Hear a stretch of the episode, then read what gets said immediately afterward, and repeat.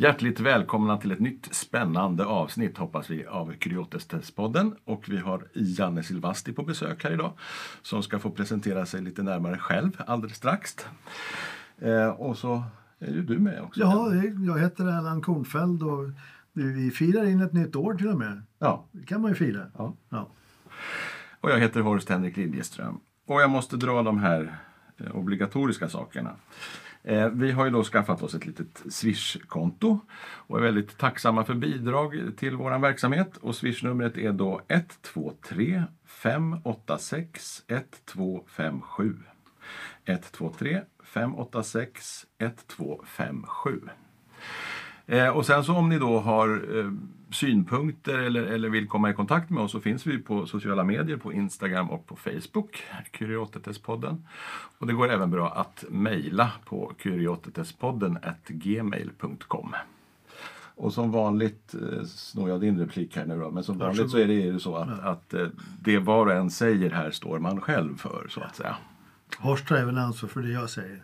Ja, precis. Det, det, det händer att jag opponerar mig. Ja. Ja. Ehm, så, jag tror att, att jag har sagt det jag måste. va? Det tycker ja. Ja. Ja. Välkommen Janne. Tack så mycket. Då blir min första fråga, vem är du Janne? Jag heter Janne Silvasti. Jag är konstnär och lärare. Och jag har, har kommit till Sverige 30, 30 år sedan ungefär. Jag är uppvuxen, upp, uppvuxen i Tammerfors i Finland. Och gått Waldorfskolan där. Och eh, har gjort flera olika arbeten. Eller har flera olika yrken i mitt liv. Jag har varit eh, målare, lasurmålare, lärare och konstnär. Men man kan säga att, eh, att färg har alltid hängt med dig på något sätt. Färg har alltid hängt med mig. Det är ju så att någonstans i barndomen, jag tror att det är i skolsammanhang fastnade jag på färgen faktiskt på det sättet att eh, jag var sist i, eller i lektionerna. I målarlektionerna. Jag var där. Och sen var det ju alltid en besvikelse med de färgerna. Att jag kände inte igen mina bilder efter, efteråt när vi tittade igenom dem. Det var så att mina färger bleknade sådär. Vissa hade så starka fina färger och jag saknade den där. Vad är färgen? Och den har följt mig. Ja. Ja. Eh, Eh, Får jag bara lyfta fram en annan sak eh, på frågan vem han är? Mm. Nämligen för er som har varit i, i i Kulturhuset så är Janne synnerligen delaktig i glasfönstren där. Du har ju varit med och byggt upp ateljén och slipat alla fönster. Ja, det har jag. Ja, det är en. Det var en fantastisk period, ungefär två år. Att kunna vara med en sån mästare som Arne Klingborg, jobba med honom så nära, det var ju fantastiskt. Alltså. Eh, Så jag skulle vilja sticka in med, med lite grann, dels, eh, alltså dagens tema är ju konst och kreativitet. Ehm, och då apropå det här med glasfönsterna, um, sticka in med frågan vad, vad är konst? Ja. Vad är konst? Ja. Jag kan ju säga så här att vad är livet? Eller vad är kärlek? Det eh, måste man titta lite på konsthistorien och hur det yttrar sig i världen, konsten. Så att, att gå rakt in i den frågan måste man lite grann kolla olika fenomen, så att säga. Hur, hur kommer kom, konsten fram, fram under historien, vad det berättar på olika områden. Alltså, konst som begrepp idag är så bred att det går nästan inte att säga bara sådär att det är en sak. Mm. Och framförallt, det är ingen sak. Det är en kulturfenomen som man kan ju då följa genom historien. För jag tänker där att alltså, konsten måste ju på något vis komma ur någon slags mm, antingen medvetet eller omedvetet behov så att säga. Alltså, jag menar, om man, du, du pratar om, om historia och jag föreställer mig att de här väggmålningarna i grottorna det var konst. Redan där så att säga. Eh, Jag skulle nog skilja lite här ett par saker. Vad är en bild och vad är konst? Alla bilder är inte konst eller alla uttryck är inte konst så att säga. Och det att komma in i konsten skulle jag vilja egentligen ge en liten liten annan beskrivning än intellektuell beskrivning. Och jag kan ju ta den nu här att om man, om man hör eller ser någonting som berör en och eh, om det där som berör en gör att man får tårar i ögonen så att man blir så tilltalad, så berörd att tårarna faller så är de här tårarna väldigt värdefulla. Och om man går vidare med det här att de här tårarna de blir som pärlor. Värdefulla pärlor som lyser som lyser som nattstjärnor på den mörka himlen. Då kan man ju uppleva den skönheten som de ger. Och den skönheten kan leda till en hjärtevärme. Den hjärtevärmen kan skapa en social gemenskap eller en social ehm, vänlighet. Och då kan, tycker jag vi kan börja tala om konst, så att säga. Där, Jag kan hänga på där för en fråga som vi har ju pratat om. För en gemensam nämnare är ju att vi alla tre har gått i Waldorfskola. Och jag vet inte om det är en fördom eller om, om man ska säga att det är på riktigt. Men att man skulle bli konstnärlig av att gå i en Waldorfskola. Ehm, det är väl en sån här fråga som jag har haft med mig.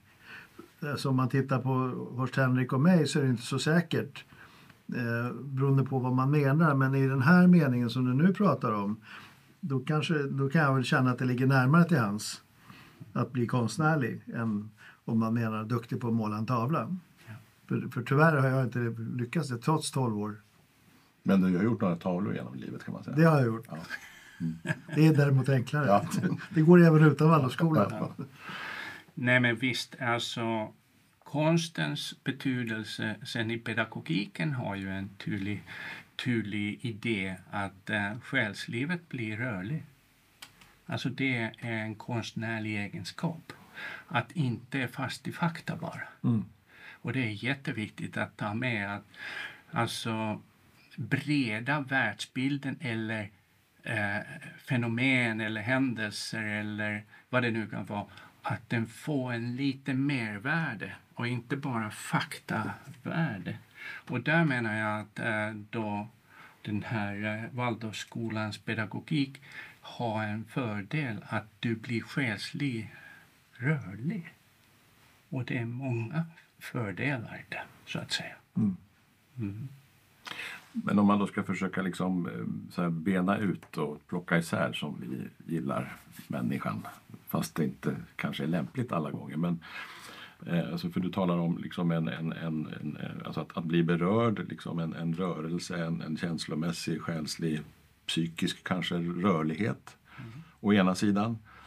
Eh, å andra sidan fakta, alltså faktas konsekvenser kanske kan beröra. Men fakta alltså blir man kanske inte lika berörd av, eller? Ja, det är ju väldigt individuellt Mm. hur det är. Men som en, en slags bild vad eh, konst och kultur kan vara är att den ger en, en annan dimension till den här eh, kalla faktan, så att säga. Och eh, eh, vi är ju väldigt fast i våran tid att eh, allt ska vara vetenskapligt bevisat och faktabaserat. Men vi glömmer att vi har faktiskt en annan sida också. Och det är ju så att om man skulle titta på en dag klar medvetenhet eller en nattsida, vad är det då? Vi har liksom de här så nära hela tiden, men vi vill betona den ena sidan väldigt starkt. Mm. Och där menar jag att den har ju en betydelse hur man ser helheten. Mm. Ja, för mig är konst också, det har att göra med något som jag har uppskattat som liksom efterdyningarna från Waldorfskolan, det jag skulle kalla för omdömesbildning. Ehm, just det här att man kan, man kan titta på någonting man gör och uppleva, inte tänka ut, men man kan se, det behövs lite mer gult eller ja, det, det finns någon, någon typ av obalans. Och det tänker jag går igen även i, i hantverksämnen. Alltså att man, man övar den typen av förmåga, just precis som du säger, för att inte fastna till exempel i det intellektuella. Ja, det är ju sen, om vi går in i pedagogiken är det ju oerhört viktigt att det finns hantverk och konstnärliga ämnen därför att då binder man sig kvalitativt in i världen. Och har man inte den, äh, den relationen eller det förhållandet till världen så blir det abstrakt. Och då betyder det i fortsättningen att alla beslut som man gör, de har ingen verklighetsförankring. Ja, inte alla, men det är ju, eh, det är ju en pristvara att ha en slags liksom kvalitativ eh, förhållning till världen. Och det får man genom konst och hantverk, så att säga. Eller en väg i varje fall. Mm. Just det, så då kan man säga där alltså, alltså omdömesbildningen, den, alltså, eller konsten eller hantverket eller det kreativa eh, hjälper mig att, att utveckla en förmåga till omdömesbildning. Och att, så att säga, få ihop det här liksom att eh, fakta, eh, men jag kan också ha, ha ett omdöme om fakta. Eller eh, jag kan också bilda mig ett omdöme om, om kvaliteten på, på det ena eller andra så att säga. Eh, sen är kvalitet i någon mening kan ju också vara subjektiv men, men det finns ju en objektivitet i kvalitet också mm. så att säga. Ja. och jag tänker just det där temat, eh, om man sammanfattar det med omdömesbildning, det blir ju mer och mer användbart idag. Mm. Både genom googling och, och, genom artificiell intelligens där du inte kan lita på det som mm. står längre. Man, man, måste känna av, kan det här stämma? Kan det vara möjligt? Mm. Och det är egentligen den enda säkerheten man har i, i allt det här med troll och, och manipulation och, mm. ja, och, fakta och så vidare. Och så det tänker jag, det, det, har man en viss glädje av. Men det är inte så lätt att lita på det, mm. tänker jag. Och, och den där konstnärens roll är ju lite intressant där, tänker jag. Alltså, jag. Vad jag associerar till i det här jag kommer ihåg någon konstnär som är ganska känd där som skulle ha någon röd färg från Indien som kostar 70 000 kronor grammet eller något sånt där. Och jag kan ju känna men det finns ju en färg som är nästan likadan, går inte det bra? Nej, det ska vara exakt det där. Så det, det är liksom konstnärlighet på ett sätt för min del. Du är ju konstnär.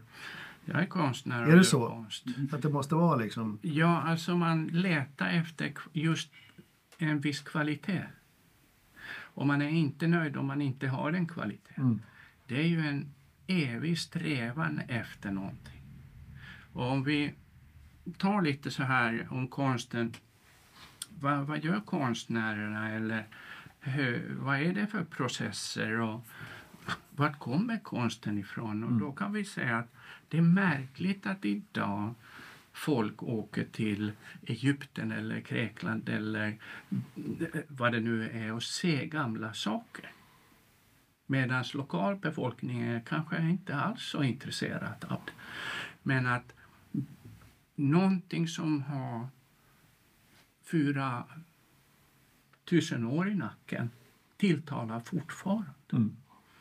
Och jag menar att då har den konsten en idé som håller. Den idén, vad är det då? Mm. Och då kan man ju börja tala om att en idé har någon andlig karaktär. Och den är evig, så att säga. Den kan vi även idag uppleva den idén. Och det är spännande tycker jag. Och jag menar att på det här sättet konstnärerna äh, letar efter den eviga. Men det måste gå genom själslivet. Och det skapar ju problem. Hur, hur ähm, kämpar jag? Hur brottas jag med de sakerna som jag har upplevt eller har som en idé? Hur får jag ner det? Det är den här kampen i själslivet som gör att det blir konst. Annars är det inte konst. Jag menar, om vi säger så här att jag målar en landskap precis som det. Då är den fast, då är det inte konst. Men om jag lägger till den här kampen som jag har i mitt själsliv, då börjar det bli konst. Och det här, då kan man säga, idén, jag frigör idén.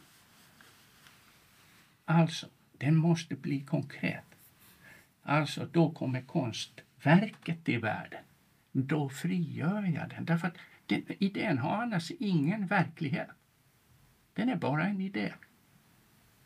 Och den måste gå igenom människans själ och sen blir det uttryck. Och där är då den här idén och materien. De är ju ihop. Eller de ska ihop, så att säga. Och det gör också att konstnären i sin själ, den frigör sig själv med den här saken. Och det är den här kampen hela tiden och hur man liksom får till det. Där ser vi massor med olika uttryck så att säga. Alla möjliga sätt vill konstnärerna beskriva världen som de upplever. Och på det sättet blir det ju många olika uttryck. Och olika tider lite olika saker. Och då kan man säga att eh, vi har ju haft i konsthistorien, eller om vi säger så här att den biologiska evolutionen den är ju hur gammal som helst. Men den kult kulturhistorien är bara 50 000 år ungefär. Och därav känner vi till ungefär 4 5 000 år. Därför då börjar man skriva och göra, det finns dokument om mm. det här. Och vad var konsten i Egypten? Det var ju gravkamrarna. Det var ingenting som man hängde på, på mm. väggar och sådär. Och sen, man kan säga så här, det är någonting som vill säga om den andra sidan.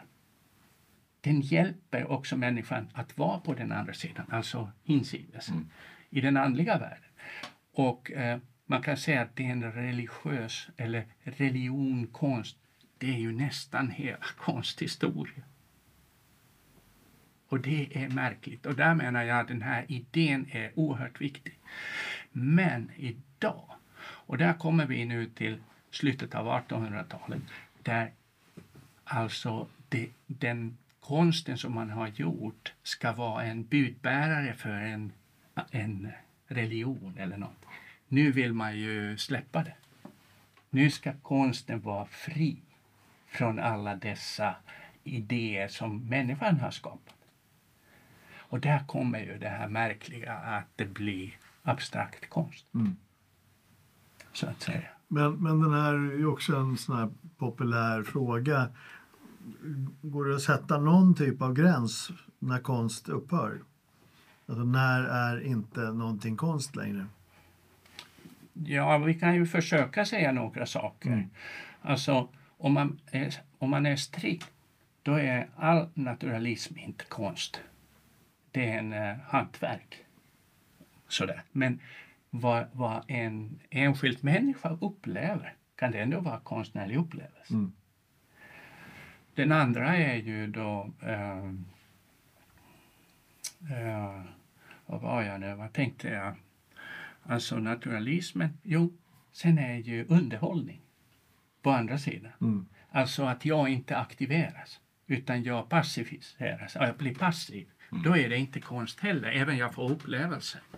Men att det är underhållning. Mm. Och den gränsen är väldigt svår. Mm. mm. Och det skulle jag inte vilja lägga någon gräns heller. Men att uh, om vi skulle vilja verkligen vässa in konsten, då är det en, någonting som alltså tilltalar en så att man vill bli aktiv och inte passiv. Mm. Det är ju en kriterie för mig i varje fall.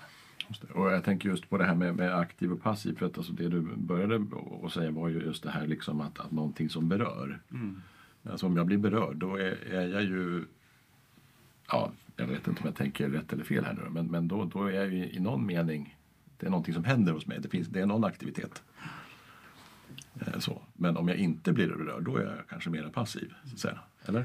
Nej, men man kan ju bli berörd av vad som helst. Det är ju inte det. Menar att eh, om vi nu försöker ringa in vad, vad är nu bara konst. sådär. Just det. Men För en annan sak som jag tänkte på också, då, för det är ju spännande, för du, du sa alltså eh, att, att det, det finns konst och sen så, så, så övergår det till hantverk i något läge. Alltså, som fotografi, eh, alltså för man pratar om fotokonst till exempel. Förstår jag det rätt då att, att är det liksom mera en hantverklig konstform eller? För det är ju avbildande så att säga. Ja, fast eh, det är knappt det mera. Utan man söker ju de eh, platserna eller motiven som tilltalar. Det är ju redan innan bilden tas finns en eh, konstnärlig eller kreativ sökande. Så att säga. Så att man ska inte eh, fästa sig till den här saken. Så, Nej, att säga. nej. så konsten är alltid innan uttrycket. En annan sån här gränsdragningsfråga som jag tycker är intressant är vems ansvar är det? Är det konstnären eller åskådaren som ska vara aktiv? Alltså är det konstnärens ansvar att jag blir aktiv? Eller kan konstnären göra någonting ganska passivt och så är det min uppgift att bli aktiv? Jag, jag tänker för mig är det ungefär där du var nu. Det konsumtionssamhälle som vi lever i idag eh, går ju egentligen ut på starka intryck. Alltså starkare och större för att jag ska bli aktiv. Jag, jag upplever att det krävs mindre och mindre av mig som åskådare eh, och mer av den som ska göra någonting för att det ska bli accepterat. Jag vet inte hur du tänker kring... Ja, det är ju så att eh, vi människor är väldigt komplexa och vi, vi lär oss hela tiden.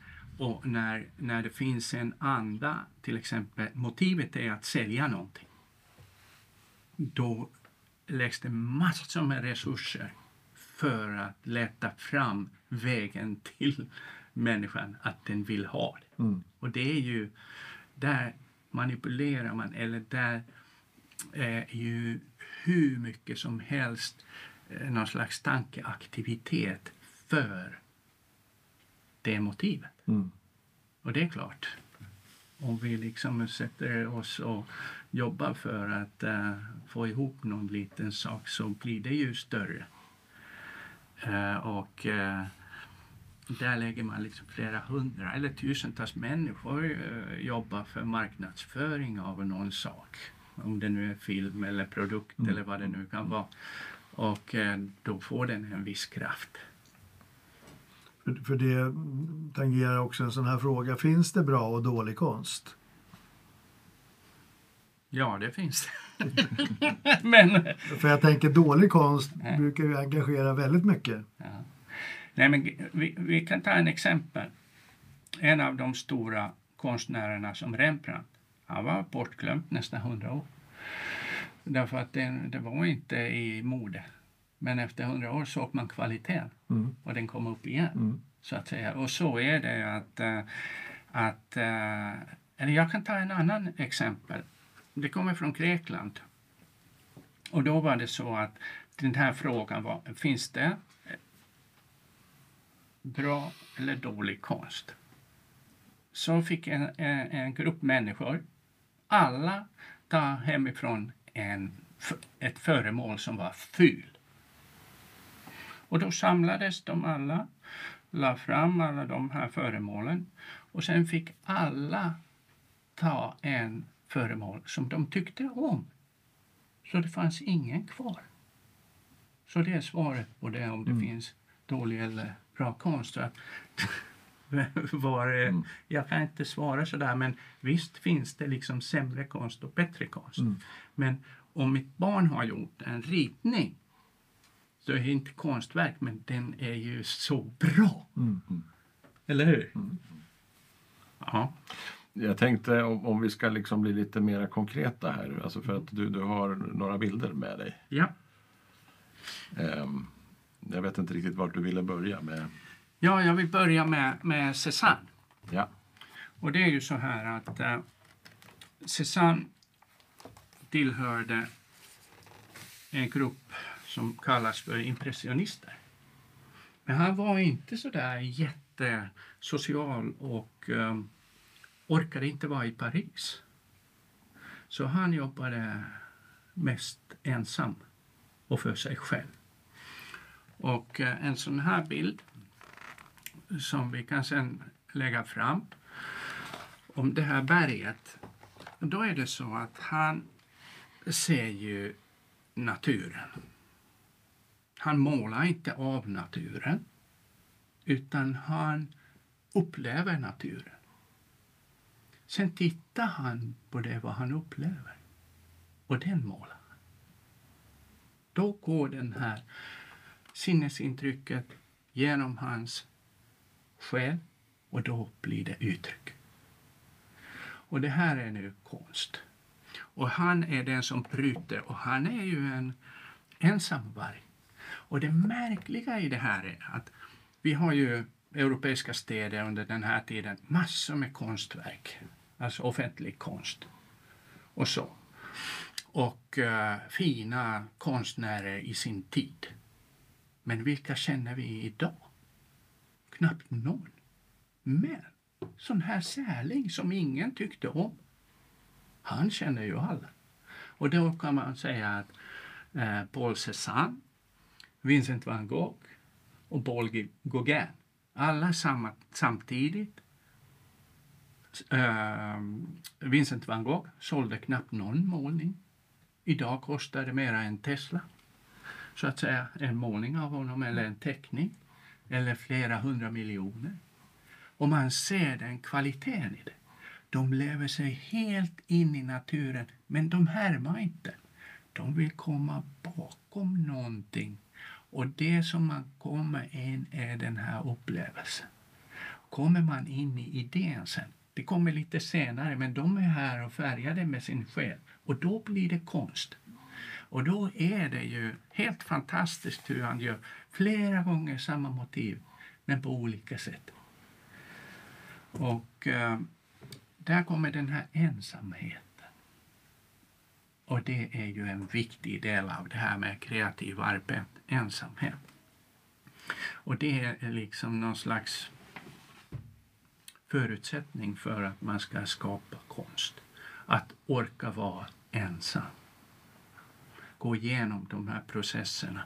Och det är ju märkligt att säga egentligen att det krävs det. Men visst, framför allt om det ska bli konst som upptäcks senare, alltså en framtidsimpuls. Och då menar jag, den här konstnärens, konstnärens känsliga själ når någonting av den idén, alltså andligheten. Och då blir den evig. Alltså själen dör och föds på nytt, dör och föds på nytt. Men anden den är evig. Och det är den strävan hela tiden. Och vem lyckas och vem, hur det går, det kan vi inte säga mm. någonting om. Men att uh, här är en exempel på att en särling i sin ensamhet tilltalar miljoner människor idag. Mm. Mm. Eh, för jag tänker, vi hade ju ett eh, annat tema som grund också med kreativitet. Och, och det är ju väldigt efterfrågat idag. Mm. Uh, inte enbart som konstnär utan även i näringsliv eller tekniska sammanhang. Och, och det är många som uh, grunnar hur, hur ska man göra för att bli kreativ. Mm. Så det tänker jag, det skulle vi väl kunna fundera kring. Har, har vi några idéer om hur man eh, vad är det som gör att man blir kreativ? Ensamhet är ju en aspekt som du lyfter fram. Det finns det flera saker som, som skulle vara nödvändiga för att bli kreativ? Ja. Alltså det är ju, man måste komma ihåg att kreativitet är inte bara en kultursak eller konstsak utan den, den kan vara vad som helst. Mm. En uppfinnare, en som eh, förbättrar saker, allt det där. Mm. Men att komma till den här eh, levande själsliv, alltså tanke, känsla, vilja, alla de här som rör sig inom själslivet, att det är levande, då kan man öva på det. Och Waldorfskolan på det sättet är helt fantastiskt. Och nu kommer det här. Tänk nu. En lärare berättar en historia. Du lyssnar. Du lever dig in i historien. Du skapar bilder. Och alla elevernas bilder, vad de ser, är unika. Till den här bilden förankrar sig känslan. Och sen vad gör man? Man ritar. Det är en kreativ process. Alltså, någonting som man hör eller ser, i det här fallet hör en berättelse. Någonting fast, du fastnar i vissa bilder eller lever här. Din egen eh, film är på gång när du hör. Och sen binder du din känsla till det och sen blir det konkret. Varje dag. Det är en övningsväg till kreativitet. Och det problemet finns i vanlig skola att efter femman börjar kreativiteten minska. Och nu vill man veta varför i Waldorfskolan den fortsätter. Den här kreativ, kreativa förmågan. Och det är på grund av eh, den här pedagogiska metoden. Ja, jag associerar också till, till en gemensam bekant till Janne och mig. Eh, en, en numera gubbe, men han var yngre förut. Som heter Wayne Gretzky. Eh, och det här är på temat alltså att sensibilisera så att man ser något som inte syns. För han var ju så otroligt eh, bra på ishockey, brukar kallas för världens bästa. Ehm, och när de frågade honom vad är, det, vad är det du kan, för han åkte inte fortast och han sköt inte hårdast och inte sådär. Utan det han beskrev det var att han såg vad som skulle hända så han kunde skjuta pucken någonstans där ingen var. Därför att om tre sekunder så skulle någon vara där. Eh, det är ju ett annat sätt att, lägga ut det här liksom för, förmågan som ju börjar närma sig begrepp som intuitivitet eller kreativitet i vad mån de nu är samma. Men jag, jag associerar till det här som du sa, att man, man upplever eller ser någonting som inte syns. Och, och hur kan man öva det? Ja, jag tänker också att det är ungefär som du sa. Den här, alltså man behöver vara sensiblare, känsligare i tanke, känsla och vilja för att kunna uppleva det. Eller för att kunna uppfinna någonting. Men alltså det som jag också hör är ju att, att kreativitet det förutsätter övning så att säga. Alltså också att, att, alltså att, att eh, jag menar när man pratar om då alltså en hockeyspelare eller en hantverkare så övar man ju upp sin skicklighet i någon mening. Va? Så att, alltså att, att kreativitet och övning hänger ihop och, och då är frågan, alltså, kan man vara kreativ utan att öva? ja, det tror jag. Ja, Men det tror jag också, för att i det här hockeyexemplet så är det ju det ena är ju liksom att uppleva eller se, där kommer pucken att vara. Det andra är ju att få dit den. just det. Jo, men, men jag och tänker... att få dit den, det går inte utan att öva. Nej precis, men, men jag tänker, alltså, kan man liksom eh, se vart den ska vara om tre sekunder utan att ha övat? Ja, det tror Liksom jag. den iakttagelseförmågan eller, eller vad det nu är för någonting. Alltså jag tror att man kan ha den typen av bilder, känsla, intuition. Okej.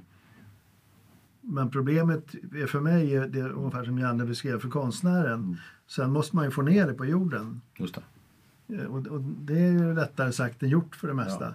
Att, alltså, för jag menar, om jag ska måla en bild så jag, jag kan ha väldigt tydligt för mig själv eh, vad jag skulle vilja måla. Men det ser inte precis ut så sen när, Ja, när jag försöker. Just det. Alltså så tänker jag, vill inte påstå att det är så, men, Så är det för mig. Ja. Ska vi ge oss in på nästa målare? Det gör vi. Och det är ju då Edvard Munch. Och jag faktiskt var förra helgen i Oslo och såg den häftiga målningen av Munch, eh, Skriet. Skriket. Och eh, där kommer vi ju till någon slags eh, konstnärsdilemma konstnärssjälens vånda. Och inte bara alltså nu sen konstnären utan också visionärens bild om människan. Och där är det ju så att konstnärer många gånger har haft den förmågan att vara före sin tid, så att säga. Och det finns andra också, inte bara konstnärer, men många kreativa människor kanske har haft den förmågan att göra någonting innan den sen är i allmänheten känd, så att säga. Uppfinningar, många saker. Och här är han då, han beskriver ju det här så här när han är sjuk, han är i Nice 1892. Jag gick längs vägen med mina två vänner. Sedan gick solen ner. Himlen blev plötsligt blodröd. Jag stannade. Jag lutade mig mot ett staket i dödströtthet. Det var blod och eldtungor ovanför den blåsvarta fjorden och staden. Mina vänner fortsatte sin väg. Jag stod fortfarande och darrade av rädsla och jag kände ett stort oändligt rop passerade genom naturen. Och här menar jag att han är i den situationen som sker i början av 1900-talet där egentligen våran kultur förändras. Det gamla dök inte mera. Man vill inte gå tillbaks till den här 1800-tals eh, måleri eller konst eller levnadssätt. Men man visste inte heller vad framtiden vad, vad väntar där. Och då står man ensam. Alltså en ensam människa som måste bära sig själv och kan inte göra något annat än att skrika ut ångesten. Mm. Vad ska jag göra? Och det är hundra år innan. Egentligen, vi är ganska jakmässiga, egoistiska, självständiga. Många positiva saker, men också de negativa sidorna finns där. Och vart ska vi gå? Kan jag själv tänka min värld? Eller är det färdiglevererat från samhället eller ja, vad det nu är. Så att på det sättet är det en ganska häftig framtidsbild. Men samtidigt en konstnärssjäl i ensamheten känner det där. Mycket stark bild. För jag, du sa tidigare också där att, att som konstnär, eller, eller jag tolkar det egentligen lite grann, att som människa så måste man i många lägen stå ut med ensamheten. Ja. Så att säga. Mm. Och kunna hitta sätt att hantera den så att säga. Ja, i varje fall kreativitet krävs någon slags kontemplation. Mm. Det är så. Även det kan vara en social sammanhang där det blir, men om den ska få en uh, djupare klang behöver man en ensamhet att bearbeta de här sakerna. Mm. Så att säga. Så här mot slutet får jag eh, ta upp den eh, svåraste frågan då, eller kanske inte svårast men känsligaste. Vi har ju någon slags ambitioner att det ska vara en antroposofisk podd det här. Ehm, och då blir ju den här frågan som inte kanske är så lätt att hantera. Finns det antroposofisk konst?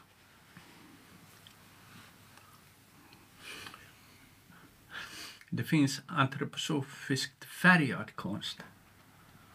Men det handlar om att eh, eh, det finns en slags utveckling i själen.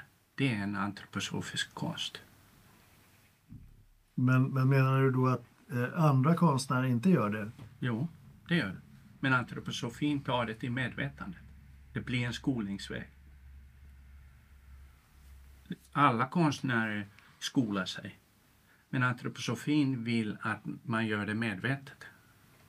Konstnären annars vill klippa av huvudet Mm. ja, och vara in i den här berömda flow, så att säga. Utan att man är så, eh, liksom beräknande. Men, men om man då översätter det till konstkonsumenten Mm. så, så blir ju då frågan, är, är antroposofisk konst bättre än vanlig konst? Nej, absolut inte. Utan vem ska säga då vad är vad?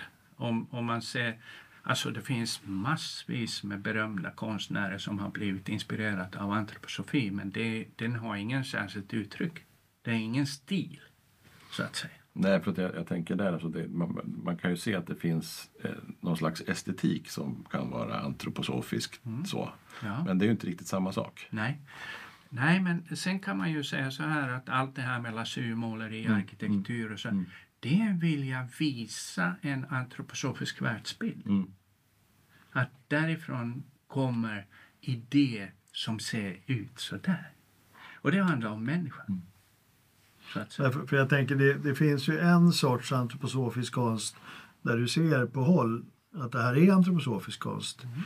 Och sen finns det ju många andra konstnärer där, där det inte på grund av materialet eller bilden går att identifiera en antroposofisk konst. Jag menar det som sysselsätter många just nu är Hilma och Klint. Eh, Du pratar om Egypten, att man till och med åker till Egypten för att titta på konst. Jag har till och med hört att det finns folk som åker från Järna till New York för att titta på konst. Eh, Och hon är väl ett bra exempel på lite olika saker inom konst. Det ena är ju frågeställningen om hon var antroposof eller antroposofisk konstnär. Eh, och det andra är ju det här som du redan har pratat om, att man är lite före sin tid och har en känsla eller tillgång till saker som, som nu börjar bli eh, populära. Eh, så, så att jag menar, hon är ju en ganska bra exempel på, på lite olika av de här sakerna som vi har pratat om idag. Mm-hmm. Jag vet inte, du, du har väl säkert synpunkter på Hilma också? Ja, lite grann. Ja. Och hon väcker ju mera frågor hos mig än ger någon svar. Men det är tydligt att hon har någon eh, eh, sökande och relation till något som vi inte är vana vid. Mm. Alltså till hennes andlig värld. Och sen säger hon någon gång senare på 30-talet att allt vad jag har gjort är antroposofi. Mm. Och frågan är varför så många människor vill se hennes konst. Det är ju estetiskt, liksom fint. Men den har ingen direkt koppling till någon andlighet. Det är ju geometriska former, symboler och sådär. Men jag tror att hon är unik på det sättet att man har inte sett det uttrycket. Och det lockar ju. Och det gör att nyfikenheten för något som är nytt lever ju. Och sen får vi se vad händer eh, om några Mm. år. Men att än så länge finns den här nyfikenheten så stor att folk vill se det, uppleva det. Mm. Och där är det ju då en intressant fråga. Finns det någonting som vi upplever som vi inte uppfattar? Eller hur? Mm. Finns det någon andlighet, någon själslig kraft som vi upplever men vi kan inte översätta det till tankar? Mm. Och det är ofta konsten som gör det. Mm. Just det. Och jag, jag, jag, jag tänker precis så där. Och just det, du har ju pratat om det några gånger nu, den här vägen. På antroposofiska brukar vi ju kalla det för skolningsväg. Men det är ju egentligen bara den här själsliga utvecklingen. Alltså att, att utveckla det som du kallade för känslighet eller sensibilitet. Det är, ju- det är ju det enda sättet att få syn på någonting som, som inte ramlar ner och slår mig i huvudet. Ehm, så det, det är väl en, ett sätt att, att både närma sig konst och kreativitet. Den, den här egenutvecklingen. Och, och det är väl, antar jag, så att man behöver hitta egna metoder eh, att utveckla sig själv som har att göra med att man behöver identifiera var man står någonstans. Och, och, och vad är nästa steg för mig? Som ju inte är, alltså bara om vi tar oss tre så skulle vi ju inte börja på samma sätt. Nej. Utan man måste liksom hitta sin egen plattform och börja den här utvecklingen till, till ja, möjligheten att uppfatta något andligt. Mm.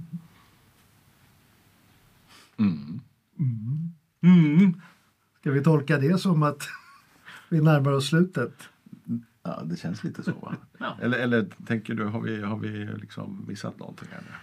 Ja, det finns ju en hel del att säga om konst och estetik och Mm. sådär. Men jag tycker att det här var bra så här långt. Mycket trevligt. Jag kommer bara tänka på en sak som, som nu, det har liksom gått lite olika trådar genom samtalet. Men, men just det här att konst, kreativitet, eh, beröring eh, och så vidare. Och att, alltså just det som vi var inne på nu, att, att Hilma af Klint är väldigt intressant. Och sen så finns det ju då de som tycker att det här med antroposofi och så liksom har sina problematiska sidor så att säga. Men, men kan man säga då att att man kan via konsten också så att säga få någon relation till antroposofi och inte bara via böcker och intellektet så att säga. Alltså att, Ja, Det det, tror jag att det är framtidsvägen och det har ju alltid varit så. mm, Eller många har kommit genom eh, konsten. Men många konstnärerna, konstnärer har kommit genom texter. Mm. De är intresserade av det som är bakom det synliga. Den frågan har varit flera tusen år intressant. Ja, ska vi säga så? Ja, det tycker Vi jag. säger Man ska, man, det lärde jag mig som barn. Man ska sluta när det är som godast. Ja. Eller roligast. Och tack så jättemycket för att du kom Janne. det var mycket trevligt samtal. Tack.